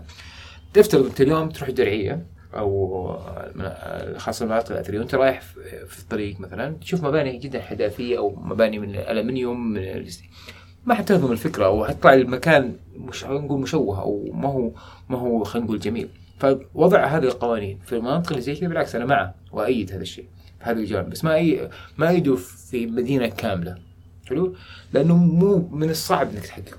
ما في مدن في العالم تحقق بعض المناطق اسمه مثلا باريس بعض المناطق قالوا هذه المناطق خلاص. في لندن قال هذه الشوارع ما, ما تتغير واجهاتها لها جايد لها أسلوب. تتبع فيه. وسووا منها المدن اللي هي آه، أو خلينا نقول الداون تاونز أو وسط المدينة الجديدة اللي في باريس برضه في لندن اللي هو في الحداثة أو, تبي تبني كلاسيك هناك ابني كلاسيك هناك أو شيء مرتبط سوي اللي تبغاه هناك. بس بقي الجانب هذا. وهذا اللي قاعد يصير اليوم في الرياض. اليوم درعيه تعتبر هي خلاص دخلت تحديدا في الرياض. فهي صار الجانب اللي هو التراثي اللي ما ما تمسكه أو ما تقرب منه. وبالعكس لو تبني في هذه المناطق لازم تحترم الجايدز هذه اللي هي تدعم أو تقوي الثقافة التاريخية اللي هناك في هذه المنطقة. فهي بس لغرض الحفاظ على التاريخ هناك. وهذا هذا لابد المدن تسويه، المدن كلها خلينا نقول المدن اليوم لو أنت تراثك مسحته أو أو ما اهتميت فيه حيندثر حلو؟ فممكن تلام بعد هذا انه أنت أنت اليوم هذه ما أنت ما عندك تراث أصلا. صح. فاليوم الحفاظ عليه وتدعيمه ووضع هذه خلينا نقول المحددات بالعكس هذه محافظة على التراث اللي هو العمراني اللي موجود في المنطقة وبرضه شرحه للأجيال القادمة. يعرف إنه هم يعني المنطقة هذه ما هي جديدة المنطقة هذه قديمة. عظيم جدا. حقيقه أنا آه، ودي أقفل معك في محور. آه، أتوقع المعماريين بينبسطون عليه مرة. إن شاء الله. بيستأنسون كثير جدا. وتجربتك في العمل في يعني آه، المشاريع الخاصة أو العمل الخاص فيك اللي هو اتش بي وخلال العمل كنت أنت دخلت آه، أو مثلا تزامنت فيها فترة مثلا مثل موسم سودة اللي أنت مشاركتوا فيه. ودي تعطيني تجربتك في هذا الموضوع. شوف التجربة يمكن يمكن طلعت فيها قبل تكلمت فيها عن إنه لازم في البداية أهم حاجة لما تشتغل مع شخص أو عميل جديد لازم تعرف تؤمن إيمان تام إنه هو إنه هو يحتاج منك منك إنك تقدم له خدمات معينة هذه. تشرح له إيش الخدمات اللي أنت ممكن تقدمها. حلو؟ فتعلمت كثير إنه آه، إنك تكون صريح في البداية أو تكون واضح في البداية أو عندك منهجية محددة في البداية وواضحة للجميع لك أنت وبرضو لعملائك. حتساعدك كثير في البروسيس أو في, في الطريق حق المشروع حنقول من نقطة البداية للنهايه حلو؟ وهذا الجانب اللي كثير أنا أحرص عليه على المعماريين وما زلت أتكلم مع المعماريين كثير إنه إن الجانب نقطة البداية لازم تكون جدا واضحة للطرفين حلو؟ أنت إيش أدوارك يا مصمم؟ والعميل إيش ادواره حلو؟ وأنت مصمم إيش الأشياء اللي لازم تكون أنت آه محترم اي محترمها ومسؤوليتك ولازم توضحها حلو؟ لأنه المجال يعني عشان اكون صادق فيه. يعني ممكن أنت كمجال واحد أنت خبير بدك تخبي بعض الجوانب كثيرة اللي خاصة في المساكن. ويكون الشخص أول مرة يصمم أصلا. أول مرة يجرب تجربة التصميم أو إنه يصمم بيت لي فهو أكيد عنده بعض المعلومات كثيرة أو متخوف آه، مع مين اصمم مع مين أروح ويسمع نصائح من أقربائه من يعني من جماعته. آه، كيف كيف أسوي بيت العمر؟ إيش أفضل طريقة إني أسوي بيت العمر؟ فهو اللي يقول لك روح جيب مهندس واللي يقول لك لا والله اشتغل مع فلان لا والله اشتري جاهز فيكون هو مشحون بكثير آراء وبكثير آه، تجارب بقراءات كثيرة وجايك يعني عنده بعض المعلومات اللي غير واضحة عليك توضح المعلومات هذه تسرد له وعليك يعني تكون أنت كان يعني مستوعب إنه هو قد سوى الريسيرش هذا قد بحث كيف وصل لك؟ هو أكيد بحث فقدر يوصل لك في النهاية حلو؟ فعليك إنك أنت هذا الجانب ما تغفله وتوضح له وممكن تحاول تفكك وترتبه. فتقول له إنه أكيد سألت وأكيد أنت شفت وأكيد سمعت وتوريه إيش الفارق. وكل الفارق ليه قيمة. يعني اللي ينصح كثير يقول لك روح اشتري جاهز. نعم صحيح. شرى الجاهز لي لي لبعض الأشخاص أفضل بكثير إذا هو الشخص مشغول ومو متفرغ. ويبغى يعني مثلا هو ساكن الحين في اجار وبيطلع وما عنده سيولة لازم يأخذ مثلا قرض. فنعم إنك تنصحه انه يأخذ جاهز هذا من واجبك. تقول له والله خذ لو انت لو انك لو أنت بتصمم وبعدين بتنفذ ترى التنفيذ لو ما عندك سيولة آه ممكن يوقف بيتك وتعلق لا أنت عندك بيت وأنت ساكن في اجار لا فأنت لازم توضح هذه الأمور. توضيحك لهذه الأمور كسبك الثقة من العميل. هذا أول نقطة لأنه اليوم العميل لو اشتغل معك وهو في لحظة ما فقد الثقة؟ صدقني. حيعتبرك وسيلة. فحيعتبرك إنك الشخص اللي حترسم له وتنفذ له وما حيصير يسمع لك. فقدان الثقة هي هي المحك فدائما آه، حتى آه، كموظفين عندي وأنا أركز على هذه النقطة. قلت لهم أنا أكبر مشكلة عندي في المشروع وفي خط المشروع فقدان الثقه لحظة فقدان الثقة. فإذا فقد العميل ثقة فينا صعب المشروع. لأنه إذا قلت له معلومة مثلا غير صحيحة ولا قلت ولا ولا ولا ما نبهته غفلت عنه حاجة وأنت عارف إنه هو ما يعرف عنها بعدين اكتشف حلو؟ مثلا أو أو أنت غفيت وهو غفى فأنت اكتشف بالنهاية يقول آه هو خباها لسبب ما. فيفتقد الثقة. فقدان الثقة هو صدقني أنا لو لي أنصح نصيحة للمعماريين أقول له اكسب الثقة صدقني كسبت الثقة. تفهمني غلط؟ بتسوي بتسوي اللي تبغاه المشروع بتديره بتنزله بمحل ما يكون موجود. بس هل أنت عندك الثقه؟ هنا السؤال. حلو؟ هل أنت عندك النولج أو عندك العلم اللي أنت فعليا تقدر تنتقل من هذا المكان من ورق أو من مخططات إلى خلينا نقول على تصميم نهائي؟ إلى مشروع نهائي و... مشروع نهائي. هذا هذا الجانب. فخليك خليك صريح مع نفسك. خليك صريح أو مع أعرف إمكانياتك أيوه. وأعرف. فعليا. والسوق يحتاج كل الإمكانيات. يحتاج أقل الإمكانيات ويحتاج أعلى الإمكانيات. فلا لا تدعي شيء لا تستطيع تحقيقه. حلو؟ لا تدعي علم انت ما ما تعرف ما تملك حلو؟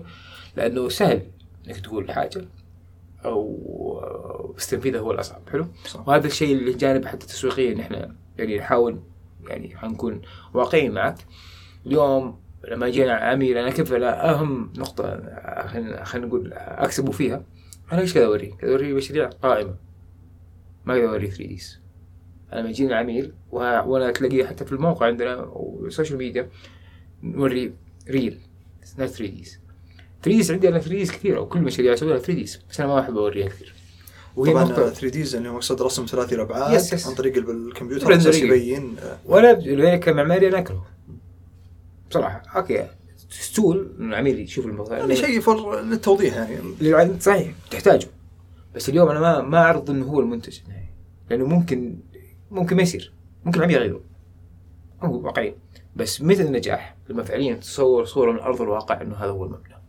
هذا النجاح. هذا المعماري قد يحقق من الفكرة من يوم ما كانت هي ورقة وصلها للأرض وخلى العميل مؤمن. خلى العميل هو اللي بالعكس يقول لا تغير التصميم. للمقاول ولأي أحد طرف ثالث شغال كمل شغلك مسك الشغل معاه للنهاية. فهذا هو ال part اللي هو النجاح. ودائما يعني يعني أتكلم مع كثير من أول ما خلص المشروع وخلص راح حطه post وارتاح وانه خلاص خليني أوري المشروع الجديد يعني اللي أنا سويته. nice. كلنا نحب اللحظة هذه. بس النجاح. شوف على الواقع. نعيش في أحد أهم الأوقات اللي تمر على البلد. والتغيير قاعد يمس كل شيء في جوانب حياتنا. التغيير اللي يقوده الشباب بفكرهم ومشاريعهم وعلاقاتهم الواسعة. وعشان كذا جات فكرة قراتنا. قراتنا هو ورك هاب مخصص للناس اللي تحتاج مكان مهيئ للعمل سواء لفرد أو مع فريق. ويمتاز المكان بتنوع مرافقه واكتمال خدماته وجمال تصميمه. ويوجد فيه غرف اجتماعات وتسجيل بودكاست وغرفة ترفيه ومقهى وغيرها من الخدمات. وسواء حاب تشتغل على فكرة ريادية كبيرة أو تقرأ كتابك بهدوء جراجنا هو مكانك المناسب.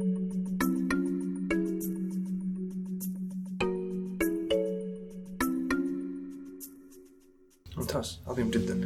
أه نبي نرجع كذا بس على سالفة فل السهو أه ودنا ناخذها من ناحية يعني تنفيذية تخطيطية تصميمية. جميل. تكلمنا فيما يخص الجانب الهوية وكذا بس ودنا ناخذها الآن ك يعني يوم جيت تشتغل عليها فعليا. أه كم كانت المدة الزمنية حقتها؟ تقريبا من بداية يعني نقاشك مع الوالد لين خلاص الفيلم موجودة الفترة الزمنية اللي من يوم ذوق النقاش مع الوالد لين ما نفذناها ثلاث سنوات. بس هل تحتاج ثلاث سنوات؟ لا. هي تحتاج maximum ثمانية شهور. بس ليش اخذت؟ maximum ثمان شهور ثمان شهور. طيب وقلت وثلاث سنوات هل رجعنا كان نقطة أنت قلتها لأنه بسبة الإهمال اللي صار من طرفك. بس وأكون صريح معك آه بعد ما إحنا صممناها وخلصناها كذا وبدينا نشتغل. آه اشتغل والدك اشتغل نفسك باختصار بكون بكون صادق معك. حلو حتى ما في عقود. أنا والدي قاعد اشتغل له خلاص والدي حول لي يحول لي واتحاسب والرتم حقك كان بطيء خلال المشروع. بالضبط. حلو. خاصة إنه أنا قاعد أشتغل هناك عشان اكون صادق معك إنه قاعد أشتغل حاجة داخلية ما فيها كسب ما فيها ربحية. والدك فهمت؟ فما كانت ابدا يعني حتى أنا نوعا ما زي إني كأني مطلعها كماليه من الشركة. تلخبط معي الأوراق عندي. آه يعني أنت مع يعني ما كانت تحت مشاريع أو لا لا هي كعقود إيه. هي design إيه. تحتها. بس يقول لك إنه مثلا تخيل إنك أنت تسوي عرض لنفسك وتحاسب نفسك. اي ما يعني حلو؟ صح لهذه الدرجه إنه والدك كبير يعني يوم تدخل على والدك واحفظه يعني أستحي أنا اخجل إني أدخل عليه بعرض وأقول له بالضبط حلو؟ بالضبط فكنت تسويها انت بطريقة يعني مختلفة تماما حلو؟ وهذا أقل شيء تسويه لوالدك حلو؟ فال- فالرتم حقه كان بهذا بهذا الجانب صادق صادق معك حلو؟ وغير كذا والد كان منبهني قال لي شوف أنا عندي عندي هذا المبلغ لا تزود لي عليه. قلت له أبشر. وأنا فعليا كان هم الوقت آه معذره كان هم المبلغ يعني الوقت ما كان شوف بقول, بقول, بقول لك قال لي شوف أقول لك هي بكل صراحة قال لي الوالد قال لي أنا عندي مليون ريال انت أنت تدفعها. قلت أبشر. قال لي أنا عندي وقت ما تبغى فلوس كلمني احول لك معليش ليش ليش مليون ريال؟ وليش أنت؟ ما قلت له ما لا في ما في أي بصراحة. الوالد شوف يقول لك؟ estimation من عندك يعني. لا، هو هو والد قال لا, قال أنت قلت له انه خلاص أنت ما قلت له مثلا لا والله محتاجين زيادة. لا صراحة لا. قلت له أبشر. okay. وبديت أشتغل. حلو. وفي نص المشروع قال لي ضيف الملحق. ترى الملحق كان إضافة. في لا، أيوه. هذه كمل اي بالضبط. وغير كذا آه، أنا قررت يعني مليون كانت تكفي بس أنا قررت أستعمل الحجر طبيعي. غير كذا ولا كان في موز فكرة وكنت كان يمديني احققها بطريقة ثانية بس حتكون ما هي طبيعية. بس أبغى لا أبغى الحجر نفسه ابني فيه. حلو؟ فانسحب المشروع وأعطيك حتى ارقام يعني ما يعني هذا المشروع. خلينا نقول هو كيس ستدي للجميع. لي أنا وكل أحد يبغى يعرف عنه. حتى أي أحد يجي يسألني قاعد أعطي له مخططات وأعطي له من. آه، استأذنت من والدي يعني قلت له ترى حسوي مشروع جميل.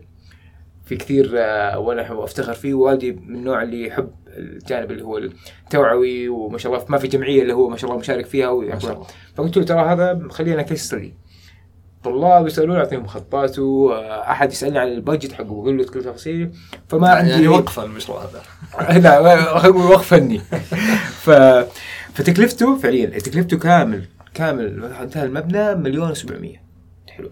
أكثر بند كلفني فيه الحجر بكل أمانة. وقصة الحجر ترى جميلة. بقول لك هي. ال- الحجر آه، تكلفه بالضبط وين؟ يعني وش التكلفه جميل. حجر نفسه كمادة. مم. حلو؟ طب خلينا نتكلم على خلينا أفصل شوي. إيش لا افصل كيف كيف المبنى كيف قام المبنى. حلو؟ آه، المبنى طبعا ستراكشر كله concrete structure حلو؟ آه، جدار حامل اللي هو واقف عليه الجزئين من المبنى. حلو؟ وبعدين ال- ال- الجانب اللي هو من ال- اللي هو التكسية الخارجية عبارة عن جدار هو يعتبر تكسية بس جدار حجمه لأنه 30 سم عمقه يشتغل آه، حاجتين رئيسية طبعا غير من الشكل finishing plus إنه هو العازل. العازل اللي هو حق يتكلم عن الحرارة والبرودة. لأنه أنت اليوم أنت مو مشكلتك البرودة قد مشكلتك عفوا مو مشكلتك الحرارة مشكلتك البرودة. ما يعني. تبغى تفرغ تفرغ المكان يفرغ الحراره فالبرودة حليناها في جانبين الأرضيات. اليوم أنت تدخل في عز الشتاء ال- السهو تلاقي الارضيات يمديك تمشي عليها تحافي حلو؟ لأنها ما طبيعية حجارة ما تمتص ما خلينا ما توصل. ما هي موص- موصليتها الحرارة ما عاليه اي ما هي زي. السيراميك. ولا زي هذا المواد الصناعيه تمشي تحس إنك تمشي على ثلاجه ولا شيء زي كذا. وغير كذا لما تدفيها تحتبس الحرارة. فاليوم الدفاءات اللي- الداخلية اللي هي ال fireplace أو المشب كله حجر طبيعي. فلما تولعه يصير الحجر سبحان الله يمتص الحرارة بعدين تطلعها لك طول اليوم. فهو مو كله يعني في جانب structure خلاص على بلوك وفي تكسية اللي هي الحجاره ليش نحن قعدنا ثلاث سنوات؟ عشان اكون صادق معك. على قضية مالية budget فأنا بعد ما زدت ال budget ف... فكان يقول لي والدي خلاص okay كل ما يجيني بعطيك كمل وكنت فعليا كل ما كل ما أطلب مني أكمل وزي كذا. وبعض الأحيان يعني هي اجتهادات من من الطرفين حلو؟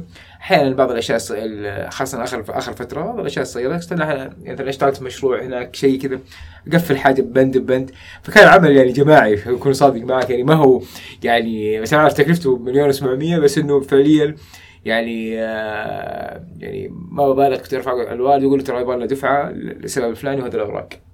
ما هو زي أي مشاريع ثانية لأنه حتى من كثر ما هو مشروع يعني عشان اكون صادق معك. يعني أنا خليني ودي أقول لك أنت مخمخت المشروع. برا برا. كأنك تسوي عمل فني فوق إيه. ما تكون فاضي تشتغل فيه أيوة. شوية. إيه. فعليا ما بالغ يعني كل ما كنا فاضي شوي والله إيش صاير على هذاك؟ خلاص نكلم يلا جيب ننزل عمال. كان عندي الأشخاص اللي يشتغلوا على الحجر يعني من الاشياء اللي تضحك يعني كانوا عايشين في المشروع ست شهور. نعم. عايشين في المشروع ست شهور. وممكن هذه فيها يعني يعني يعني قصة ضحك يعني إنه هم يعني أشخاص هناك في المنطقة عاشوا في المكان وصاروا يبنوا بال يعني هم أصلا يعرفوا التكنيك هذا ويسووا كثير يعني فهم عاشوا يجوا شخصين يجيهم الحجر ننزل رد الحجر ويبدوا يشتغلوا. هم سووا الأرضيات سووا طبعا سووا دورات المياه كان شغل حجر كثير. فعاشوا ست شهور وبس يبنوا في الحجر. يركبوا في الحجر بس شخصين هذول يعني أنا حتى كنت بسألك عن تكاليف الحجر. هو تكاليف المادة نفسها وتكاليف لا المادة نفسها هو برضه التركيب المادة ترى أنا استعملتها كثير. المادة نفسها الرد حقها والله ناسي كم سعره بصراحة بس غالي حلو؟ وكانت من منطقة اسمها محايل.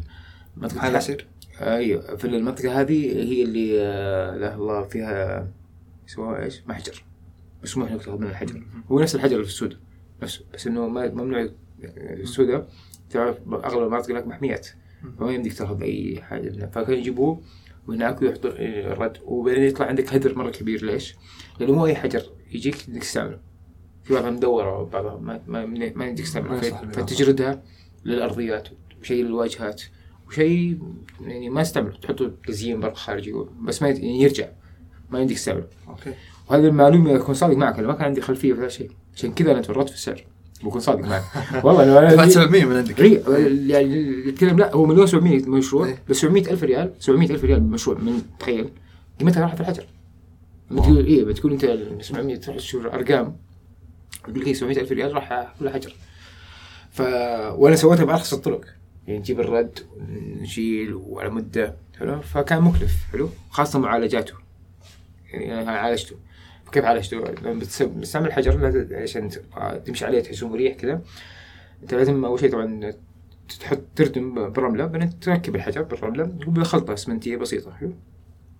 وبعدين تطلع لك عروق اللي هي أشو... يعني خلينا نقول أشياء شيء. في لما تركب أنت حجر طبيعي وتحط فيه اسمنت يطلع لك عروق الكبيرة دي بتخلص منه. تخلص منه في التركيب لازم تركب قطعة جنب القطعة وكل قطعة تدرسها. فالعامل عشان يخلص لك غرفة واحدة ممكن يقعد أسبوعين. بعدين بعد ما يخلص تجيب ماكينة البخاخ اللي هو حق الرمل. ما يحط اللي هو الاسمنت يجيب بخاخ رمل. تطبخه باللي هو بالرمل عشان تشيل كل النتوءات هذه الخرسانية. تطلعها وتنظفها وتنعم على سطح الحجر. حلو؟ بعدين تغسلها بالموية. موية عذبة. يعني هذا ال process كان بالنسبة لي متعب شوية لأنه أتذكره كويس.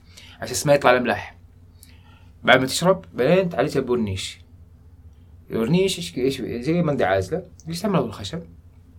يمتصوه ويصير بعدها ناعم يديك تغسله باختصار يعني يديك صابون تغسله وما يمتص الحجر. ولا يغير لونه فكثير الحين يسألون. يعني الحجر هذا يستخدم في الجنوب كثير. بس يجي يقول ما إيش إيش اللي صاير عندك؟ ليش حجرك كذا؟ ليش الماء نظيف؟ عملية المعالجة عندك كانت مختلفة. هذا الجانب اللي هو فعليا هو علم. الفرق اللي هناك يقول لك إنه فين مين سوى لك الحجر؟ أسئلة. مين سوى لك الحجر؟ أقول يا جماعة والله أقول لهم القصة بيضحكوا. يعني هم شخصين سووا كل المبنى وهم أول مرة يسووا التكنيك هذا. يعني هم ما يعرف التكنيك هذا. ركب بخ حاجة هو يسالك فهو يتعلم. والحين ما شاء الله عليهم صاروا يسووا يمشوا يسووا التكنيك هذا. فال knowledge العلم موجود يعني أنا بقول لك بكل بساطه أنا كيف تعلمته. فعليا. حلو ما هو كتب قاعد تفتح كتاب وادرس لا فعليا يوتيوب وشوية مواقع. product إي والله فعليا. product لقيت product حتى والله أتذكر لقيت product في أمريكا ينباع حق الحجر. الحين اشحنه كم كمية يبغالي؟ شو شغلانه طيب خليني أقرأ إيش المواصفات قريت اكتشفت إنه هو نفسه كمواصفات هو نفسه اللي هو آه، اللي هو الورنيش حق الخشب الورنيش إي. طلع هو نفسه تكويناته ومواده هو نفسه. حلو؟ بس هناك ما تعرف تسويقيا مع ممكن مع مواد ممكن إضافة بس إنه لو استعملت ورنيش حيعطيك نفس الأداء. واستعملنا ورنيش حق الدهن وتشوف ما شاء الله المنطقة جدا رائعة ونجحت يعني. فهمت وصار بالعكس تستمتع. أي أحد يسألني مجهز الصور والتكنيك من البداية للنهاية. قلت ترى كذا كذا كذا كذا ترى الموضوع بسيط. بس امشوا على هذه الخطوات. وحتى يعني تتخلص من هذه العروق الخرسانية اللي تشوفها في كل مكان. هناك حتى في المطاعم لو تروح هناك أو المكان العامه تلاقي كذا بين الحجر وحجر خرسانة. ممكن الارضيات قتلت أنت الفكرة هذه وأنت ما ودك تشوفها خرسانه صح. بس أنت عليك تركبها وتكون رايق ويعني أو العمال اللي معك رايقين ركبوا قطعة على قطعة زي الليجو عشان يطلع أكثر تقل فراغات و... يصير بالنهاية يطلع منتج وإذا طلع لك خرسانه اضربها برمل هذا بخاخ الرمل اللي هو ماكينة نفسها حقت البويه تحط فيها رمل وتطبخ واختم معك بسؤال أخير. آه، العوامل المؤثرة على سعر المنتج المعماري. هذا المهم. بحكم إنك أنت أصلا يعني ذكرت سالفة العميل وما العميل و... وداخل يعني شوف آه أي تكلفة تتكلم عنها؟ التكلفه اللي هي تصميم. تصميمية ولا تصميم وتنفيذ؟ كلش طيب جميل. إذا كان تصميم وتنفيذ دائما المحك الرئيسي اللي من اليوم خلينا نفترض حاتم بتوقع معي أنت. أول سؤال بسألك بعد ما نتفق على الاسلوب وال- والأمور هذه ترى هذا منهجيتنا. كم الميزانية اللي أنت حاطها؟ هذا أغلب العمل عندك كم أنت عندك ميزانية؟ وأنا اضمن لك يمكن من خبرتي ان أنا اصمم لك على ال budget اللي عندك أو الميزانية اللي عندك. هذا هذا السيناريو أكثر شيء قاعد ينباع عندنا في اتش بي. design build budget معين. حلو؟ المشكلة أحيانا تكون صادق معك يكون العميل ما عنده budget. بعض العملاء عندي أنا ما عندي budget. ما هي كافية لا ما ما عنده ما عنده تصور كم حيدفع في البيت حلو فتبدا انت تساعده في إيجاد البجت حلو خاصة بعض الأشخاص اللي وقت بناه ويقول لك والله اذا عجبني بدفع ما ما ما, ما في لو عجبك ممكن أنا أسوي لك شيء ذهب. الأمور ما تمشي كذا اي مستحيل. فأنت في بيتك ممكن تسوي بليون وممكن تسوي ب 10 مليون. فعليا في نفس نفس المسا فراغ فما هي بالفكرة اللي عجبني بدفع. ما هي كذا ابدا. حلو؟ فدائما نرجع لإيش؟ كانت نتكلم عن التنفيذ. حلو؟ نرجع لأسعار السوق. حلو؟ وفي آه، ناس والله اسم الجمعيه بس جمعية سعودية تطلع كل سنة تقرير كم مواصفه البناء. رقم اللي هو بالمتر. اللي سنه 2019 اللي ما طلع بعد 2019 كان 2200 هذا السعر الطبيعي ال average 2200 إيش؟ للمتر المربع. مثل مربع الواحد اي تشطيب. ما- بناء كامل. ما هو إيه. بمساحة. اي اي آه، اي بناء ومع تشطيب. اي إيه. أقول على قولتهم على كان السوق تسليم مفتاح. حلو. حلو؟ حلو. يقول لك ال average الطبيعي إنك أنت اليوم تبني ب 2200 المتر أقل من كذا أنت تحت الافرج اليوم اللي يسمعنا بيوت الكراتين توصل ب 1400 1300 المتر تجارية. تقدر توصل أنت بأسعار تنفيذية بهذه الأسعار. بس يقول لك السوق إن أنت اليوم على حسب أسعار المواد البناء وحسب المقاولين وحسب وفرة العمالة أنت مفترض تبني على 2200 هذا الطبيعي. تطلع فوق أنت صاحب العقار أو صاحب المسكن أنت اللي قاعد تضيف مواد. حلو؟ وتخليها يعني خلينا نقول تخلي مبناك أجمل. فأرجع المحك اللي هو السعر. إيش اللي يغير السعر؟ فعليا المواد. مواد هي اللي تقلب المسكن من سعره مليون ل 10 مليون. على فرضية إني مثلا مسوي افتراضات إنه نفس الفراغ ونفس ال- العميل لكن هو اخت- مين اللي اختار المواد؟ المعماري المعماري حلو؟ ودحين أنت اليوم لما نسألهم كم البادجت حقك كانوا يسالوا في في إيش؟ لما ليش أبغى المعلومة هذه؟ عشان اعرف انقي المواد اللي تناسب التكلفه حقته طيب في أف- عامل الجودة داخل في المعادلة. لا الجودة هذه تفرق عند المقاول. الجودة ما فيها قيمة. أنا من وجهه نظري أي. اتكلم الجوده ما لها قيمة. يعني اليوم يعني الجودة؟ مثلا بركب لك مثلا نوع تجاري بدل ما أركب لك نوع أصلي بسبه ميزانيتك أنت كعميل. لا لا أنا عارف إنك فهمتك غلط. أي. جودة المادة؟ إيه. هي جودة المادة هذه بالسعر. جودة المادة يعني اليوم في خلينا ما بتكلم على الدول بس في جودة مثلا سيراميك جودته قيمته ب 40 ريال متر أو يعني المتر ب 40 في سيراميك ب 200 300 400 مم. حلو؟ بتشوفها كل نفس الشيء بس إيش فرق؟ الجوده حلو؟ هذا جانب. تنفيذ تركيب. تركيب السيراميك هذا نفسه؟ إيه. هذا المفروض ما في منافسه يعني ما في ما في ما في خلينا نقول فرق. من وجهه نظري حلو؟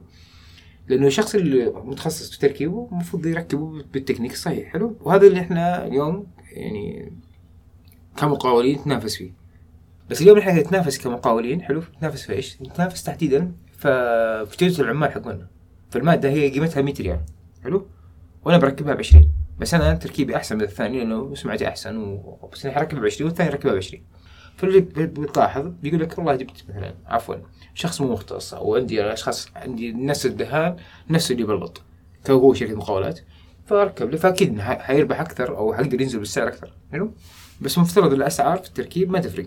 فيقول لك اليوم هو ثابت لو تجي يعني كل الشركات اللي ماشية على بروسس عارف إنه هو العامل المبلط يعني في الساعة يخلص له أربعة أمتار. سعر ثابت ما مهم تغير حلو؟ متى ممكن تتغير؟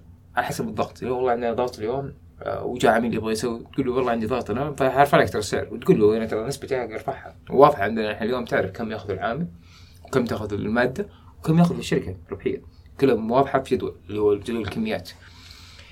آه فنحن ما نبيع اللي قولتهم قطوعة أو لمسه كله على بعض وأنت ما أنت عارف كم المادة. لا لا لازم توضح هذه المادة.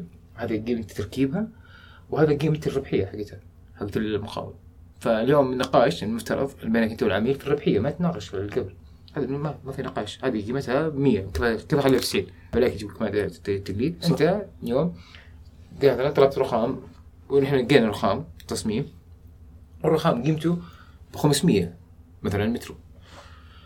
ما أقدر أجيب رخام ثاني مو نفس اللي في الموصف 300 واركبه واقول لك شطاره لا لا خلاص هي قيمتها 500 فهذا طلعت برا الحسبان تركيب ال 500 ذي ب 100 طلعت برا الحسبان ما فيها نقاش. حلو؟ النقاش كلها كما بروح. فاليوم يقول لك والله نسبتك عالية. 25 لا والله 30 لا 20 والله بنزل 20 ليش؟ لأنه كبير المشروع. فنتناقش في هذا الباب. اللي قبله ما نتناقش فيه. ليش؟ لأنه خلاص موصف إذا العميل قال لا والله أنا ميزانيتي أقل من يعني طلع الحسبة مثلا مليون ريال.